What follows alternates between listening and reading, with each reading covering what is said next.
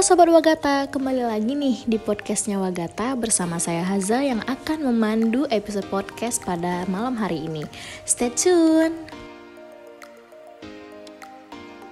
Nah, kalau minggu semalam episode Wagata itu membaca puisi, kalau malam ini episode Wagata bakal lebih seru lagi nih. Kenapa sih lebih seru lagi malam ini? Ya karena pertanyaan yang sudah kalian kirim ke Instagram KBSI kemarin akan kita bahas malam ini. Akan dibahas tuntas, akan dijawab tuntas di malam ini pada episode kali ini. Jadi sama-sama kita dengerin yuk. Oke, okay, kalian pasti udah gak sabar nih sama jawaban-jawaban yang udah kalian tanyakan nih kemarin ada yang sedikit konyol sih nih pertanyaannya, tapi kita bacain aja ya. Pertanyaan pertama, ada cara jadi mahasiswa yang cool dan disukai banyak orang. Waduh, ini sepertinya nih pengen jadi primadona kampus nih kayaknya nih. Kalau nilai akademik kita bagus, tentunya kita akan jadi primadona nih di kelas. Tapi kalau kita inginnya terkenal di kampus, kita harus aktif organisasi sih kayaknya. Karena kalau kita aktif di organisasi nih, kita bakal jumpa orang-orang yang belum pernah kita jumpain sebelumnya. Jadi otomatis orang-orang akan mengenal kita lebih banyak. Nah, itu kesempatan kita nggak sih untuk disukai banyak orang ya kan? Apalagi kalau misalnya kita ikut PEMA ya kan, PEMA USU tuh, kita bakal jumpa apa orang-orang yang dari fakultas-fakultas lain nih, nggak cuma di fakultas kita aja.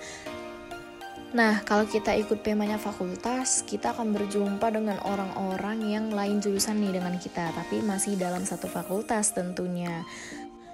Kalau untuk HMJ sendiri tentunya kita akan lebih mengenal senior kita, junior kita, bahkan alumni-alumni kita nih. Nah, jadi peluang kita untuk terkenal tuh lebih uh, luas ya sepertinya ya daripada nilai akademik kita yang bagus ya kan. Jadi sobat Wagata ayo dong aktif dong dalam organisasi, itu sangat penting loh. Oke kita lanjut ke pertanyaan berikutnya Cara dapetin beasiswa dong kak Wah ini para-para pengejar beasiswa ya sepertinya kalau untuk beasiswa, biasanya minimal IPK-nya itu 2,75 nih, bahkan ada yang sampai IPK minimal 3,00. Nah, bagi kamu nih yang masih maba yang mau ngejar beasiswa, usahain IPK-nya itu di awal itu udah bagus ya kan. Jadi kalau kita mau mendaftar beasiswa tuh enak jalannya. Harus sering-sering cari informasi juga dong tentunya, baik itu melalui internet ataupun sama kating-kating yang sebelumnya udah pernah dapat beasiswa. Biasanya di setiap beasiswa itu memiliki kriteria tertentu dan berbeda-beda nih. Jadi kalian harus tentuin dulu beasiswa apa yang mau kalian ikuti dan siapkan semua persyaratan yang harus dipenuhi. Oke, kita beralih ke pertanyaan berikutnya. Tips agar proposal cepat di ACC. Uh. Kalau masalah tips agar proposal cepat di ACC itu tergantung dosen yang memeriksanya ya. Apalagi di Sasindo USU nih, kita harus nyiapin draft dulu yang harus diserahin ke prodi dulu. Kemudian akan diserahkan ke kaprodi lagi, kemudian diserahkan lagi ke dosen yang akan membaca proposal kita. Jadi uh, agak melewati waktu yang panjang nih memang. Jadi kita harus banyak-banyak bersabar ya, sepertinya menunggu proposal kita yang di ACC ya kan. Nah, kalau masalah pengen cepat di ACC, tentunya kita harus menyiapkan proposal yang paling terbaik sih. Jangan ngerjain yang asal-asal, apalagi banyak kopas. Kalau bisa judulnya itu yang menarik dan yang belum pernah dikaji sebelumnya. Wah, tapi berat ya. Cuman sepertinya itu akan menjadi salah satu tips biar kita di ACC. Lanjut ke pertanyaan berikutnya. Kak, saya mau masuk ke sastra Indonesia USU. Kira-kira susah nggak ya? Waduh, ini maksudnya susah dalam pelajarannya atau susah cara masuknya nih? Kalau masuk ke sastra Indonesia USU itu ya testingnya sama lah ya seperti jurusan-jurusan lain. Kalau masalah susah enggaknya itu tergantung dari potensi diri kita masing-masing. Kalau susah dalam pelajarannya, wah karena kan sastra Indonesia di USU itu ada terbagi dua golongan nih. Ada yang namanya linguistik sama ada yang namanya sastra. Kalau masalah susah atau enggaknya itu juga tergantung diri kita masing-masing sih. Jadi kalau kalian udah milih salah satu jurusan yang udah kalian tentuin, kalian harus fokus dan tentunya harus komitmen dengan jurusan yang kalian pilih. Pertanyaan berikutnya ada kelemahan dan kelebihan dari sastra dan lingu. Kalau bicara tentang kelebihan dan kekurangan nih, sepertinya kalau dalam mata kuliah itu nggak ada ya. Itu balik ke diri kita masing-masing ya, bagaimana kita menyerap ilmu yang sudah dikasih ke kita, yang sudah kita terima, dan bagaimana cara kita menekuni ilmu yang udah kita pilih. Nah, jadi itu dia tadi kita harus komitmen dengan apa yang udah kita pilih. Jadi kekurangan dan kelebihan dari suatu bidang ilmu itu nggak terasa sih di kita nggak akan kelihatan kalau kita menekuninya. Lanjut ke pertanyaan berikutnya ada cara mudah memahami teori-teori linguistik.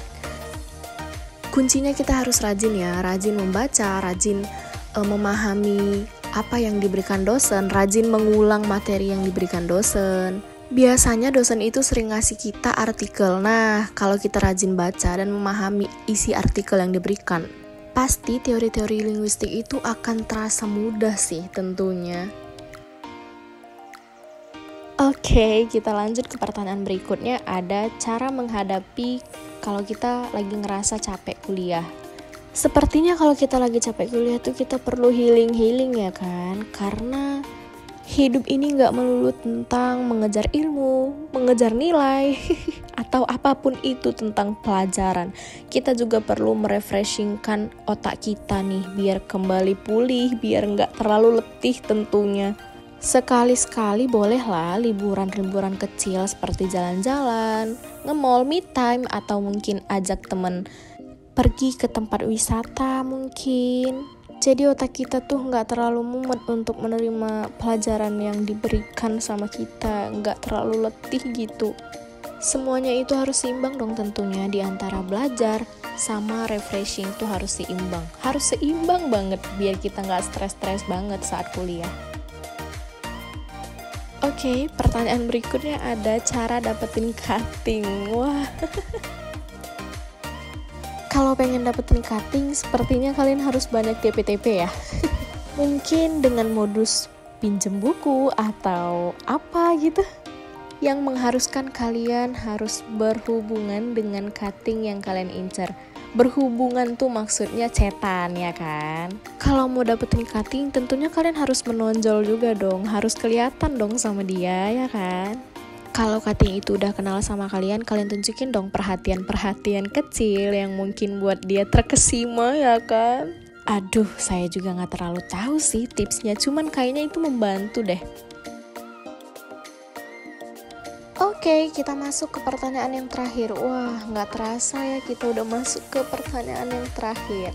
Oke, pertanyaannya ada, kakak-kakak Sasindo pernah cinlok nggak sama satu jurusan? Nah, kalau sampai pacaran, ke depannya bakal gimana ya? Waduh, waduh, waduh, gimana nih jawabnya?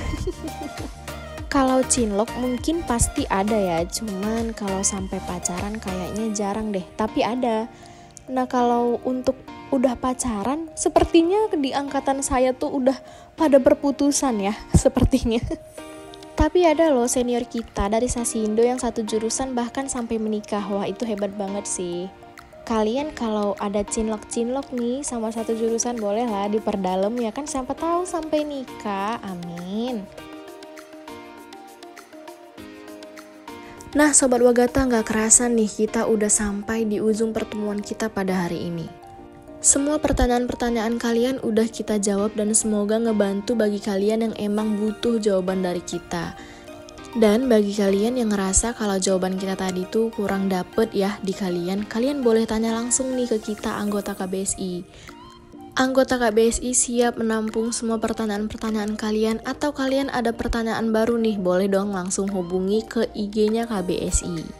Atau kalian mau cerita-cerita ya kan tentang kesusahan yang kalian alami selama kuliah? Boleh banget dong cerita ke KBSI curhat-curhat ya kan? Siapa tahu nih kita bisa nemuin jawaban dari kesusahan kalian itu. Jadi Sobat Wagata jangan sampai ketinggalan episode-episode Wagata yang berikutnya ya. Harus dengerin seluruh episode podcast Wagata dong tentunya. Jangan sampai ketinggalan nih. Bakalan rugi sih kalian kalau nggak dengerin podcast Wagata saya Haza, mohon pamit undur diri dan sampai jumpa di episode berikutnya. Bye-bye.